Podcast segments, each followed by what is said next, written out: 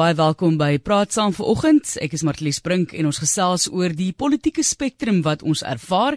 Waar val jy op die politieke spektrum of aksis as jy dit so wil stel? En wat word deur die verskillende posisies van ver links na ver regs op die politieke spektrum verteenwoordig? Dit was oorspronklik 'n verwysing na die sitplekreëlings van die Franse parlement na die revolusie. Ons is deur die spektrum gesig gestaan na byvoorbeeld die afgelope paar dae se gebeure in Amerika in ons partystruktuur in Suid-Afrika en selfs binne spesifieke partye hoe die spektrum verskil tussen leiers en dan selfs volgelinge daarbey. Ons gesels vanoggend met professor Dirk Kotse en hy is die politieke ontleder verbonde aan Unisa. Later gaan ons kyk na die ekonomiese impak van daardie spektrum, maar om dit vir ons te verduidelik professor Dirk Kotse baie welkom aan u. Goeiemôre, baie dankie.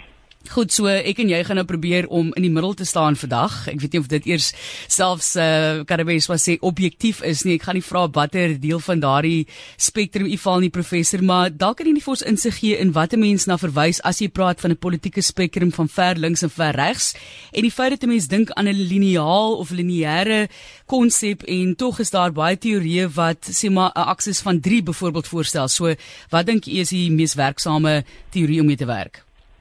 Wel ek, ek sien dit as 'n spektrum uh, met dis net graadverskille vanaf links of ver links tot ver regs. Ehm um, in die inleiding het jy het jy verwys na die na die Franse, die Franse uh senaat spesifiek so ek sê is is, is in 'n groot mate is die oorsprong van hierdie idee.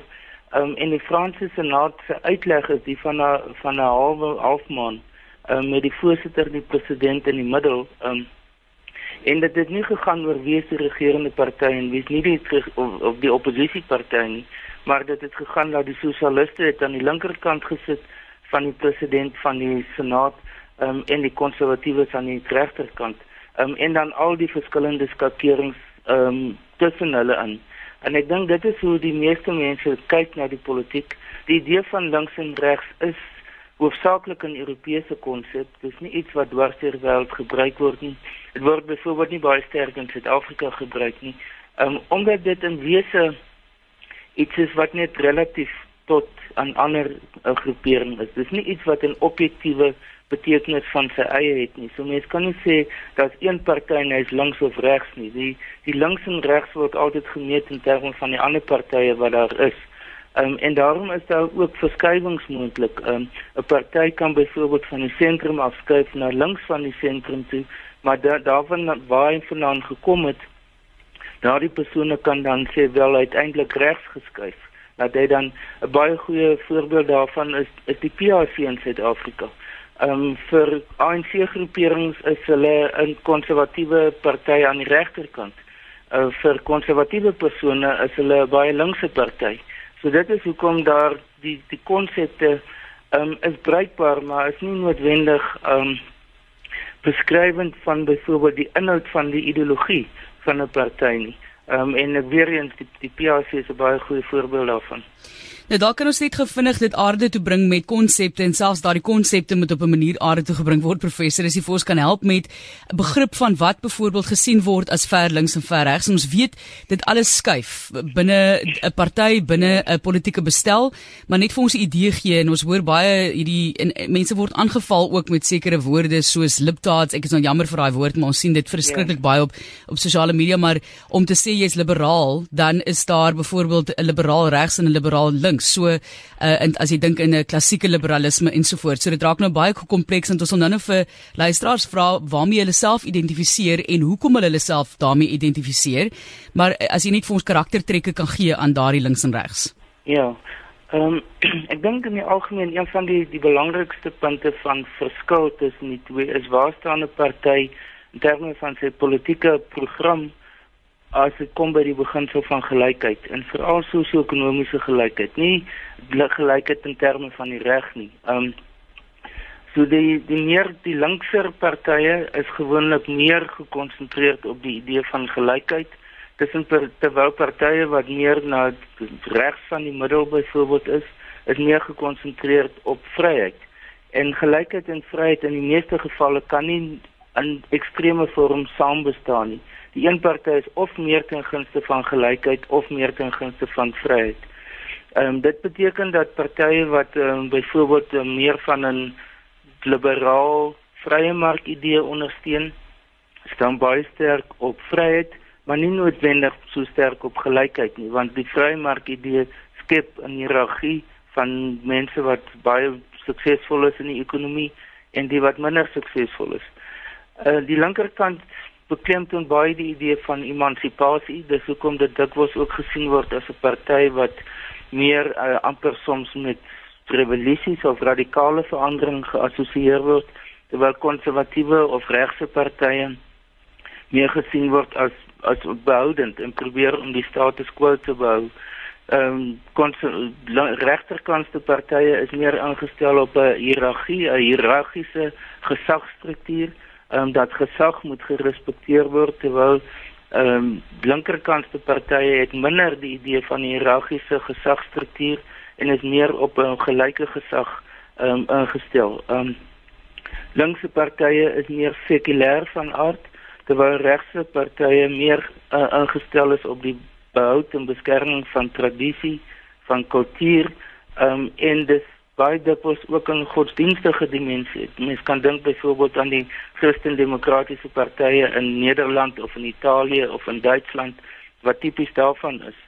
Ehm um, dan is daar die ehm um, linkerkantste partye is gewoonlik meer sosiaal-demokraties ingestel, ehm um, sommige selfs sosialisties ingestel terwyl die middel- en regterkantste partye meer op 'n vrye markstelsel ingestel is selfs 'n vorm van op 'n vorm van kapitalisme of in 'n meer ekstreme vorm selfs 'n vorm van staatskapitalisme. So dit is 'n wese sommige van die belangrikste aspekte wat gesproke is. Kom ons gesels net gevinnig oor hoekom dit belangrik is om hieroor te praat, veral die feit dat ons baie vinnig 'n persoon plaas in so 'n spektrum. Ons sal vinnig sê ag jou sienings is ver regs of ag jou sienings is ver links en op so 'n manier is dit amper 'n beswadering van 'n persoon. Ja, dit is die een manier. Die ander manier om daarna te kyk is dat dit 'n sekere identiteit gee vir al aan politieke partye. En as baie politieke partye wat hulself definieer in terme van links of die sentrum of regs net regs van die sentrum of net links van die sentrum of heeltemal aan die linkerkant. Ehm um, as baie wat baie min wat homself ekstreem regs of ekstreem links noem. Uh, gewoonlik raak hierdie konsepte op die ekstreme vlak raak dit nie is dit nie meer relevant nie. Ehm maar veral in die in die Europese politiek is dit 'n baie algemene term wat gebruik word.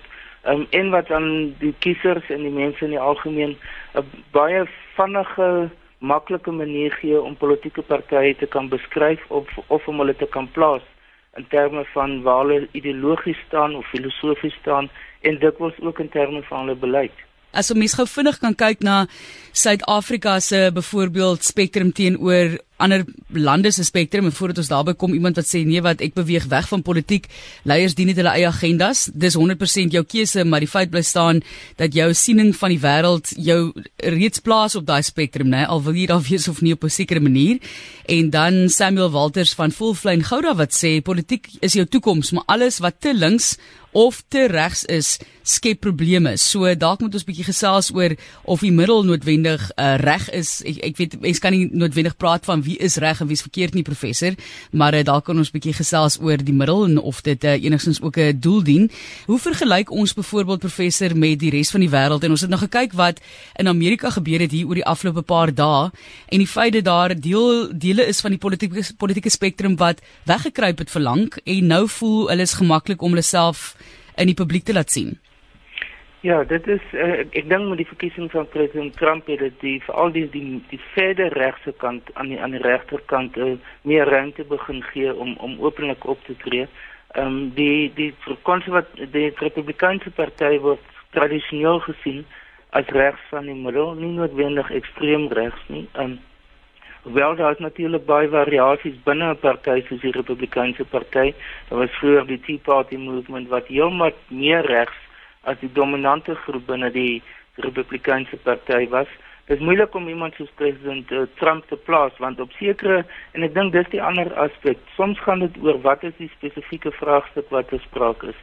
Byvoorbeeld op abortus kan 'n persoon 'n sekere standpunt hê, maar oor byvoorbeeld ehm um, ehm um, selfde geslag uh, huwelike kan hulle byvoorbeeld 'n ander standpunt hê. Ehm um, so dit is moeilik om iemand uit en uit te plaas op die spektrum. Ek dink wat wat soms meer behulpsaam is is is dat mense in terme van hulle ideologiese oorwegings ehm um, uh, hulle self definieer of of geplaas word. En dis hoekom in in uh, die FSA praat hulle baie min van regs en links ook. Hulle praat meer van liberaal en konservatief.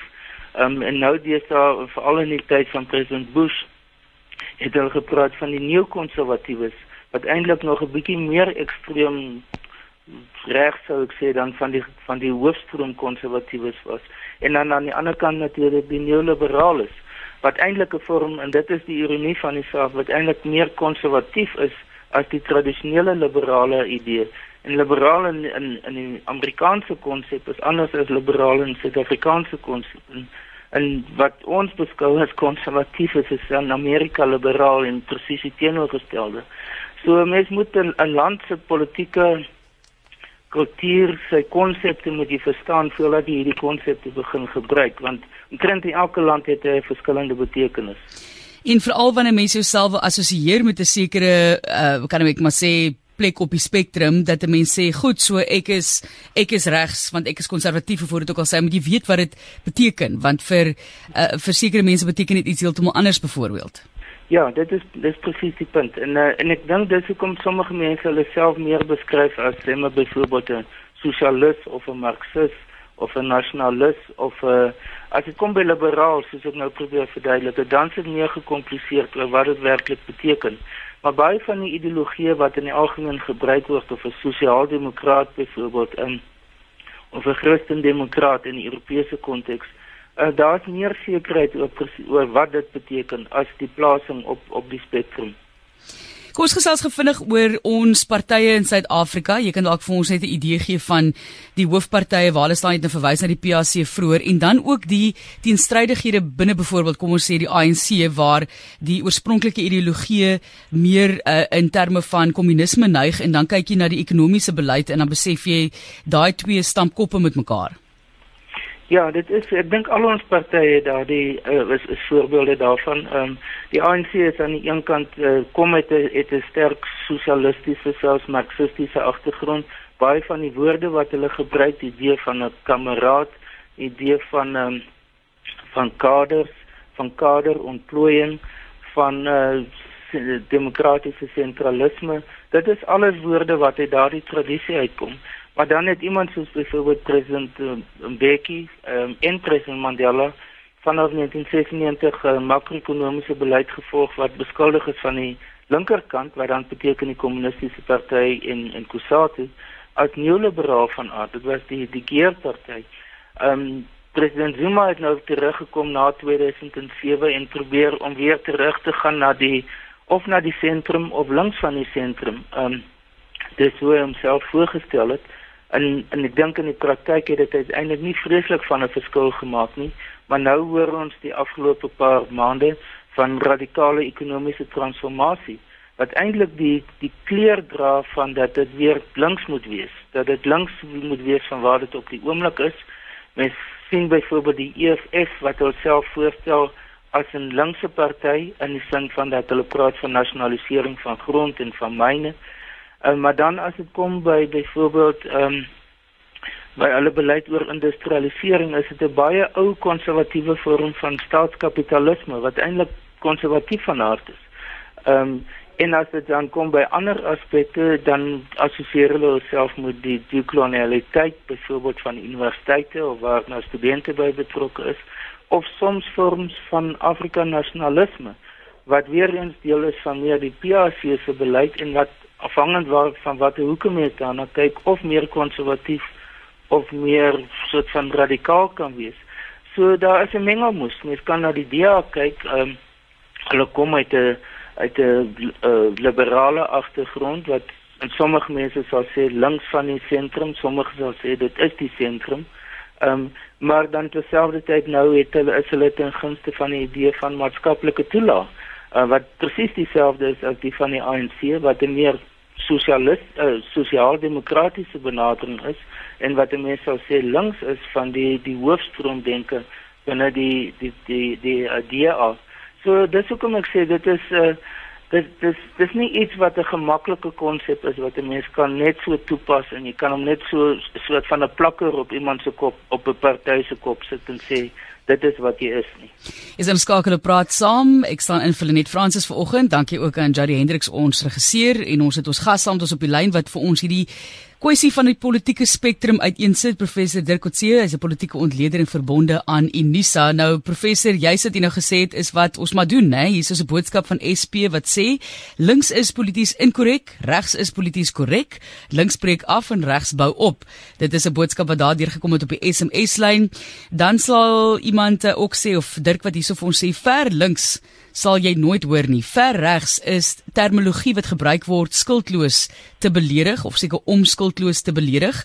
En uh, dan sê iemand ook hierso vir ons uh, baie dankie vir professor Kotse of Kotse wat die links en regs denke vir uh, ons uiteengesit het via die Frans Halfman filosofie. As net kortliks weer vir ons dit kan verduidelik, vra Frans net vir ons 'n idee weet te gee van uh, hoekom daardie spektrum so bestaan gebaseer is op daardie sitplekreëlings in Frankryk. As jy vinnig vir ons weer kan noem. Maar dit dis iets wat ek ek wil amper sê spontaan begin het. Dit het gegaan oor waar word die verskillende politieke partye geplaas binne die Franse Senaat en veral na die ehm um, die uh, Franse revolusie. Ehm um, en dit is iets wat hoofsaaklik rondom die 19de eeu begin ontwikkel het. As as jy mens kyk na enige parlement, is daar 'n reëling van hoe die verskillende partye geplaas is, waar hulle sit. Byvoorbeeld in ons parlement sit die regerende party altyd regs van die spreker en die oppositie links van die spreker. Dit is baie tipies van die Westminster stelsel. Um, as daar 'n regeringsverandering is, dan draai hulle om. Dan sit die nuwe regering aan die regterkant van die spreker en die oppositie aan die linkerkant van die spreker en dan die res van die partye word in die res van die van die saal geplaas. In die geval van die Franse stelsel vind dit nie so plaas nie. Die die die verskillende politieke partye het vaste sitplekke. Die sosialiste sit aan die as jy mens kyk wat ons noem die speaker wat hulle noem die die president van die senaat, ehm um, sit hulle aan die aan die vanaf die verste linkerkant en begin in beweeg oor na die na die middel toe afhangend hoeveel sitplekke hulle het en die konservatiewe partye, deesdae is dit byvoorbeeld die koalistiese en die Franse nasionalistiese partye hulle sit aan die regterkant van die president of die voorsittende persoon um, en dan afhangend hoeveel hulle het kan hulle tot in die middel beweeg. Die ander partye wat dan sê maar meer sentristies van aard is, sit dan na die middel van die van die saal, van die die senaat saal. Ehm um, en dit is dit bly altyd hulle plek. Mens kan vandag byvoorbeeld na die Franse senaat toe gaan, saal toe gaan en jy kan sien byvoorbeeld waar iemand soos uh van die heel bekendste Franse figure gesit. Hulle het vaste sitplekke gehad daar. Uh en en en en dit het nooit verander nie. Nee. En en ek dink as gevolg daarvan het dit 'n visuele spektrum tot stand gebring vanaf aan die linkerkant waar die sosialiste gesit het wat hulle dan beskryf het as links tot aan die heel regterkant van die saal waar die konservatiewes gesit het. En dan die wat tussen die links en die regs was hy dan in die middel tussen die twee partye gesit. Hendrik wat sê ek is so regs dat ek as ek verder regs beweeg ek links. Uh, dit het op SMS lyn deurgekom. En dan Frans van die Namakwa-land wat ook hier vra goeiemôre.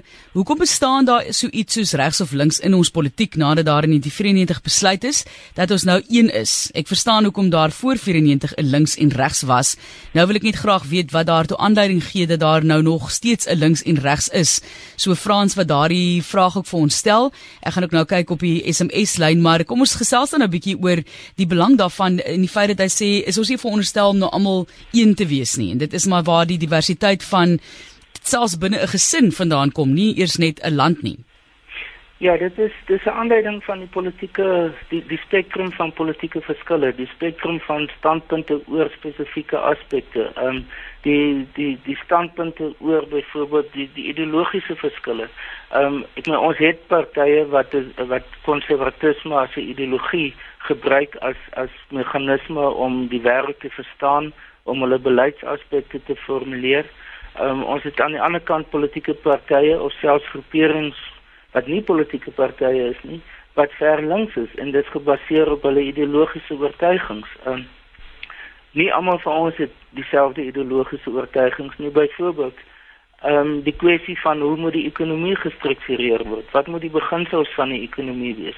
Sommige mense sal sê dit moet gebaseer wees op, op die meer die die die mees moontlike gelykheid. Ehm um, so die idee van uh van 'n meer herverspreiding van dit wat bestaan, die rykdom wat bestaan, dit sal die meer die linkerkantste perspektief wees. Die regterkantste perspektief sal konsentreer op ekonomiese groei. Sal konsentreer op die idee van daar moet 'n oop ekonomie wees, daar moet oop markte wees, daar moet die moontlikheid van inisiatief wees, daar moet so min as moontlik belasting wees. Dit is altyd belasting is 'n be belangrike in, indikator ook van waar politieke partye staan. Konservatiewe partye gewoonlik wil belasting so laag as moontlik hê, uh, want hulle wil hê mense moet hulle eie geld gebruik om na hulle self om te sien om te gebruik vir die ekonomiese ontwikkeling.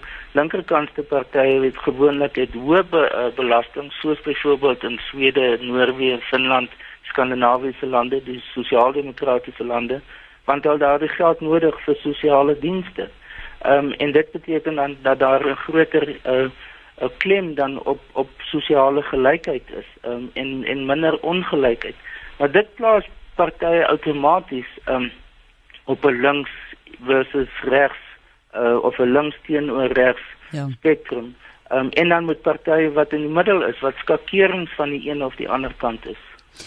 Op ons webblad Torsten van Mansdorf van Düsseldorf wat sê, is dit waar dat diktators altyd uit linkse en sosialistiese groepe kom en nooit uit regse partye behalwe uit Arabiese moslimlande nie. Dis 'n boodskap daar. Dan sê Pitiso, ek is apolities want ek is redelik konservatief in my uitkyk, maar geloofoortuigings oorheers alles. Moenie op prinse vertrou nie, want meeste politici is kaartmanne wat partye teen mekaar afspeel. En dan wil Willem van der Meiden wat sê regs en links is 'n verkeerde beskrywing.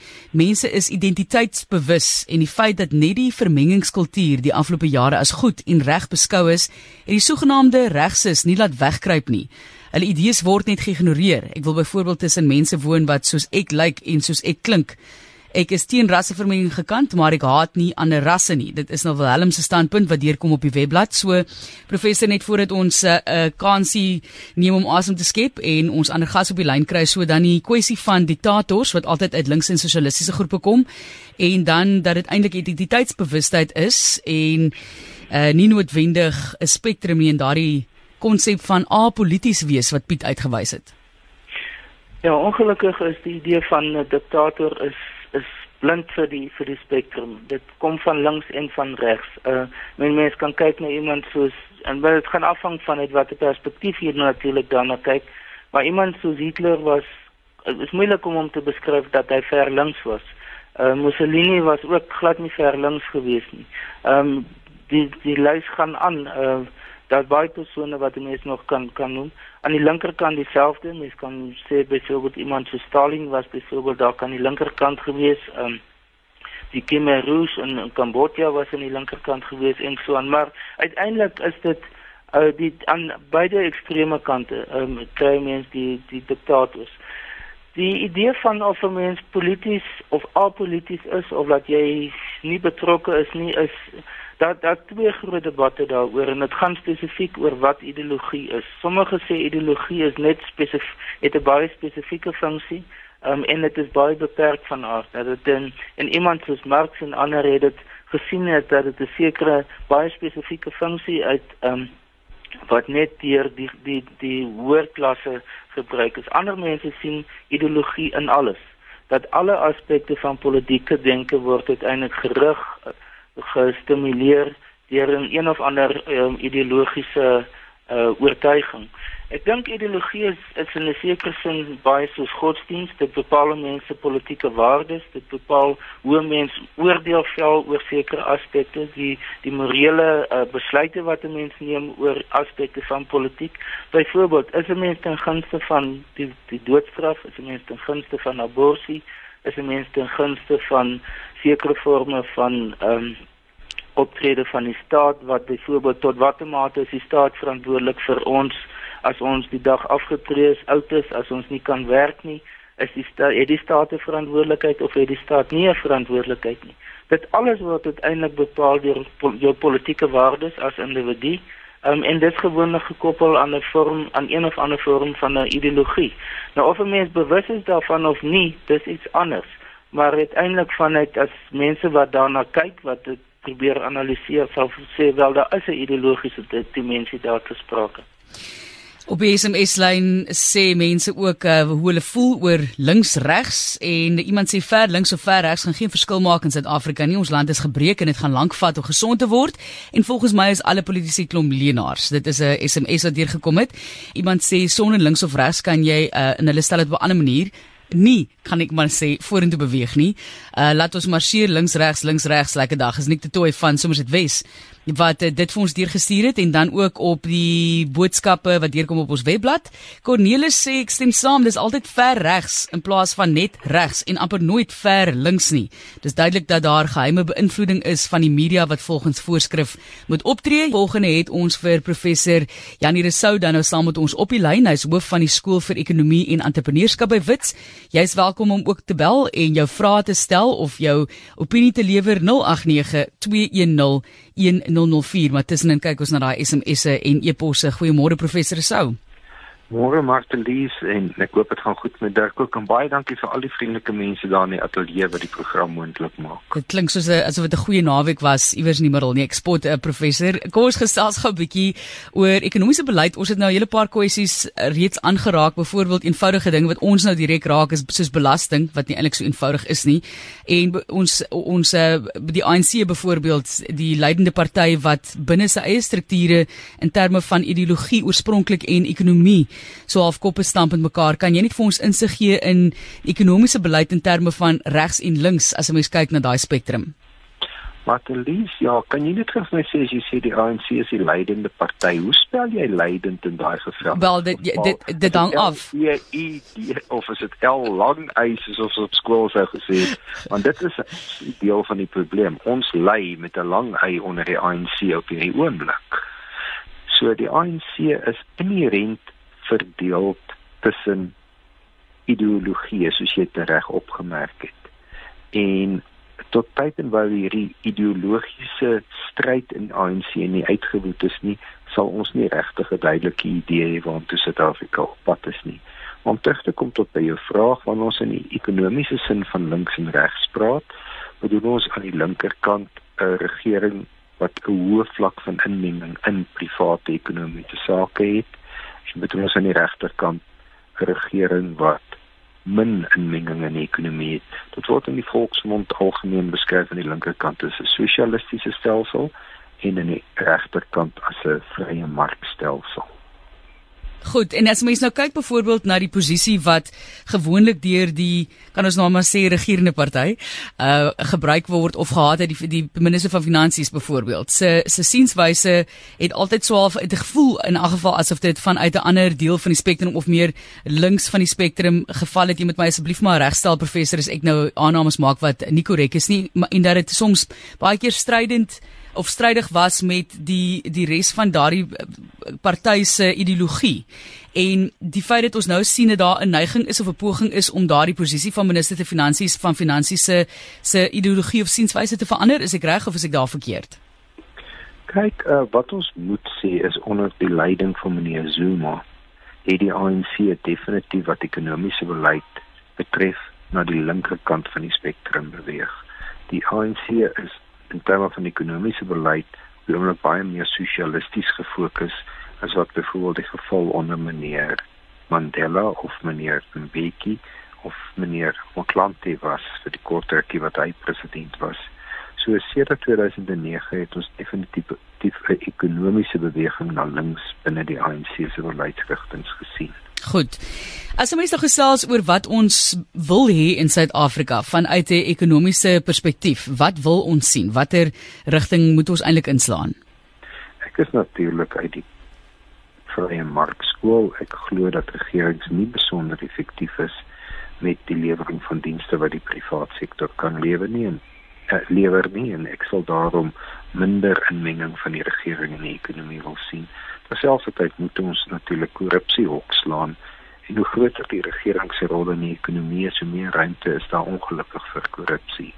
So as ons korrupsie kan hokslaan, sal dit ruimte skep in die ekonomie As ons korrupsie kan hokslaan, sal ons waarskynlik in staat wees om groter bedrae aan sosiale toelaas aan mense in nood uit te betaal. So ek sou baie graag wil sien dat korrupsie opgeslaan word en dan moet ons regtig gaan kyk of ons so groot staatsdiens nodig het. Ons het en of ons regtig 35 kabinetsministers nodig het. Dit is alles tekens van kruipende sosialisme in Suid-Afrika. Goed op die SMS-lyn e-pos. Ons is uh, nou met Floris in gesprek sy is in Seattle en sy sê mense vergeet of weet eenvoudig nie. In Amerika was die Liberale Party oorspronklik pro-slawerny en die regse konservatiewe party en daar besluit die rekenaar hy vat ook gou vinnige 'n skep gou 'n bietjie asem maar uh, eh, pro-liberty and freedom of all mankind soos dit sê dit nou stel die konservatiewe party wat sy noem Abraham, Abraham Lincoln as 'n mense. En die KKK was die Liberale Party se militêre afdeling as ek dit so kan stel. Dan sê Rihanna ook, ek het 'n tyd terug iemand oor die radio hoor sê dit oorwegend regse party, 'n party is wat streef om belange van sy eie groep, kultuur of etniese groep wat hy verteenwoordig te bevorder terwyl 'n linkse party streef na gelyke voordele vir alle groepe. Hy het verder gesê dat die AWB en die BLF dis albei as regse partye beskou kan word. Ek weet dit volgens die verduideliking op die program het veel wyer is, maar ek sou graag wou weet of die beskrywing in my eerste sin as 'n definisie van regs en links in 'n netedop beskou kan word.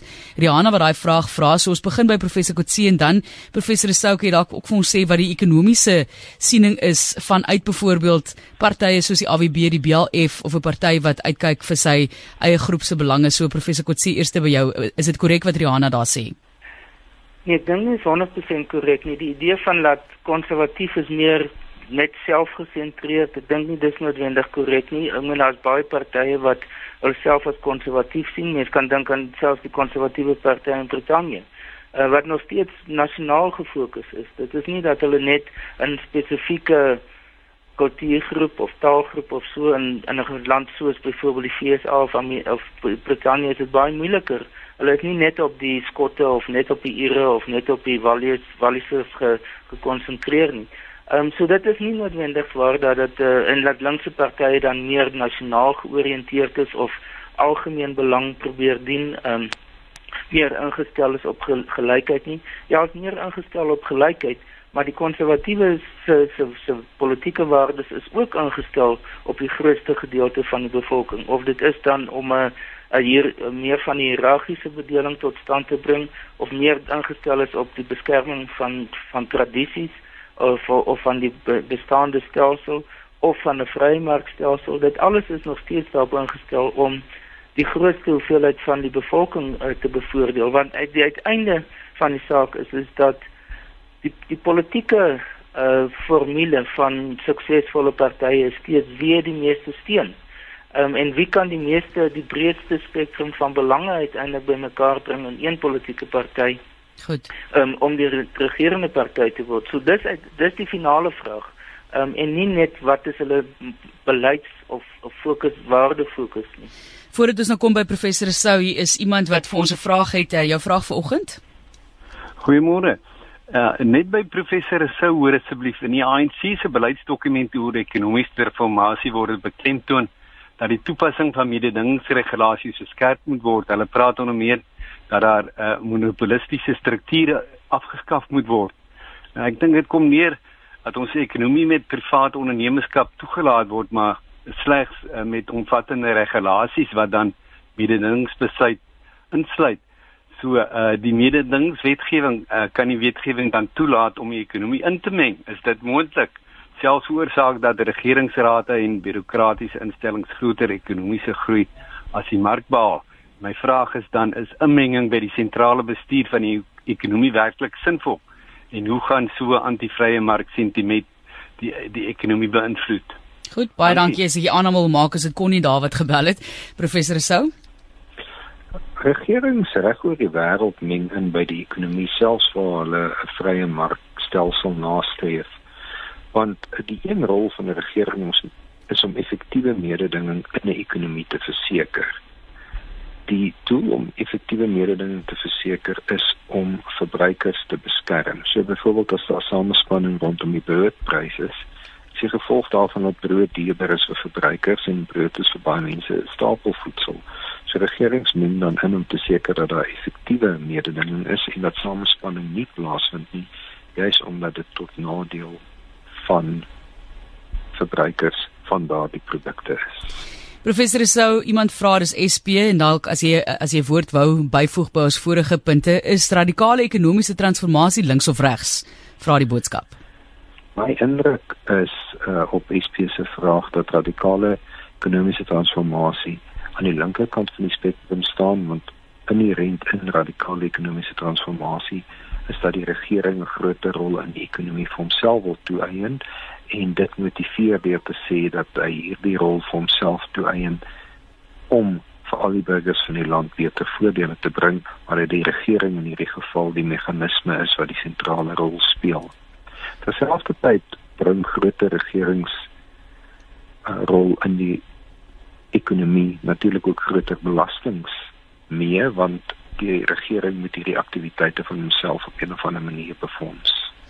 Sim skakel hier op praat saam vanoggend se gesprek dan nou die politieke spektrum links en regs Piet Smit van Bloemfontein wat uh, ook hierso skryf polities dat dit baie moeilik wees om myself in te pas by die FSA. Ek stem min of meer saam met die helfte van die Republikeine en die Demokrate se standpunte en is teen die ander helfte van elkeen se standpunte. Dit wil ook vir my voorkom dat in baie lande ondersteuning van 'n party is soos om jou familielid te ondersteun omdat dit familie is en nie omdat jy met die ideologie saamstem nie. In Suid-Afrika en die FSA is daar baie goeie voorbeelde hiervan soos wat Piet Smit ook sê. En uh, die tyd het ons ook al vinnig vinnig begin inhaal hierso so ons moet uh, afsluit met praat saam vanoggend. En ek dink 'n mens kan net gou vinnig vir julle elkeen 'n geleentheid ook gee. Kom ons begin by professor Resou in terme van uh, die ekonomie en hoe dit inpas op daai politiek, politieke spektrum. Uh, en wat ons sal graag sal wil sien in Suid-Afrika is nou 'n bietjie geraak van julle perspektief as ekonome, maar hoe raak links en regs regering die man op straat uh, in terme van die ekonomie en dan laastens gaan ons met professor Kotse gesels oor die verkiesing wat voorlê en hoe jy ook moet bepaal waar jou eie sienings lê en hoe daai party daarbey inpas so eerstens professor Sou. Uh, maar verlies soos wat die regering se ekonomiese beleid beleid meer links beweeg, beteken dit natuurlik die regering het meer belastinginkomste nodig soos Suid-Afrikaners met hulle verhoë belastings klaar maak. Ons het egter op die stadium ook 'n bietjie onsekerheid oor presies wat die regering se beleid is. As jy met verskillende ministers praat, met verskillende staatsamptenare praat, gee hulle verskillende antwoorde. As gevolg daarvan is sakelei baie onseker en sien ons op hierdie stadium dat private investering in die Suid-Afrikaanse ekonomie afneem want sakelei is onseker of hulle die geleentheid gaan kry om billike opbrengste op nuwe beleggings te kry. So wat ons op hierdie stadium in Suid-Afrika regtig nodig het, links of regs, is beleidsekerheid sodat sakelei kan weet wat die reëls vir speelveld oor die volgende dekade of so gaan wees. Want beleggingsbesluite word ook nie net met 'n 6 maande of 1 jaar horison geneem nie, wat met 'n 10 en 20 jaar horison geneem. Ek kan byvoorbeeld die chaos rondom die mynbouhandves ook hier as 'n voorbeeld noem. Daar vind net nie belegging in mynbouaktiwiteite plaas nie want niemand weet presies hoe die mynbouhandves sulke beleggings gaan beïnvloed nie. So op hierdie stadium die groot ding wat ons in Suid-Afrika nodig het, is ekonomiese beleidsekerheid. Professor Kutse net van u kant af laastens Frans het ook vroeër gevra het kan professor Kutse miskien net 'n voorspelling waag om te sê waarheen is SA politiek op pad in die volgende 10 tot 20 jaar. Dankie vir insiggewende program en vir die doeleindes van die program ook net vir ons 'n idee gee van daai spektrum. Ons weet dit is nou baie kompleks en ek weet ek hamer nou op die spektrum maar net om mense 'n idee te gee professor. Ja. Ek ek dink wat ons besig is om te sien sedert veral verlede jaar se verkiesing is die idee van koalisieregerings wat gevorm word. Nou pla was op plaaslike vlak hoogstwaarskynlik gaan dit dalk op provinsiale vlak plaasvind en selfs op nasionale vlak. Wat ons nou tot dusver gesien het uh, met die koalisieregerings is dat dit um, verskillende uh, partye wat, wat op verskillende punte op die spektrum is bymekaar gebring het. Byvoorbeeld die feit dat die DA en die EFF baie nou saamwerk in plekke soos Johannesburg, Tshwane um, en dan ook die UDF en die DA in Nelson Mandela Bay in, in Port Elizabeth. Nou wat ons dan daar het is is dat dit is nie 'n party of 'n groepering wat een een punt op die spektrum verteenwoordig nie, maar eerder verskillende punte op die spektrum. Is amper iets soos ons regering van nasionale eenheid van die 1994 tot 1999 um wat bedoel was om die grootste moontlike gedeelte van die spektrum te dek. En ek dink ons is op pad terug daartoe. Uh, die ANC in die verlede het hulle self beskou as 'n sogenaamde kerk, as 'n as as 'n groepering wat mense vanuit 'n baie wye spektrum kon akkommodeer. Dit lyk asof dit oor tyd het daardie spektrum begin vernou en wat ons nou begin sien is dat die die samewerking van die DA met sy vier koalisiepartye en dan nog met die met die EFF beteken dat die spektrum weer besig is om wyer te word. En dit skep dan ook die geleentheid van mense om van verskillende kante af te kom um, om vir hierdie partye te stem wat die die verwagting het dat hulle deel van 'n regerende groepering of 'n koalisie gaan word. En ek dink dit is waartoe dit op pad is. Dis 'n alternatief om te sê dat daar 'n beweging na die sentrum toe is. Ons het dit gesien in lande soos byvoorbeeld die VSA vir altydens so president Clinton se tyd dat die die verskil tussen die twee groot partye, die Republikeine en die Demokrate, het op 'n leidsaspek omtrent verdwyn. Um, en ek dink baie mense glo dis die ideaal wat dit ook vir Suid-Afrika sal wees. Maar omdat partye nog nie by daai punt gekom het nie, um, is die alternatief deur eerder dan die hoeveelheid deelnemers aan die regering te vergroot in die vorm van um, van koalisieregerings. Dit is die einde van praat saam vanoggend. Nou sê jy twee keer dink voordat jy sê ek is links of ek is regs of ek is liberaal of hoe dit ook al sê want ons het nou insig gekry in hoe kompleks dit eintlik is en baie dankie ook vir die SMS of die tweets wat hier gekom het vanoggend waar iemand gesê het dat dit 'n uh, baie geleer vanoggend in terme van hierdie politieke spektrum en wat dit verteenwoordig.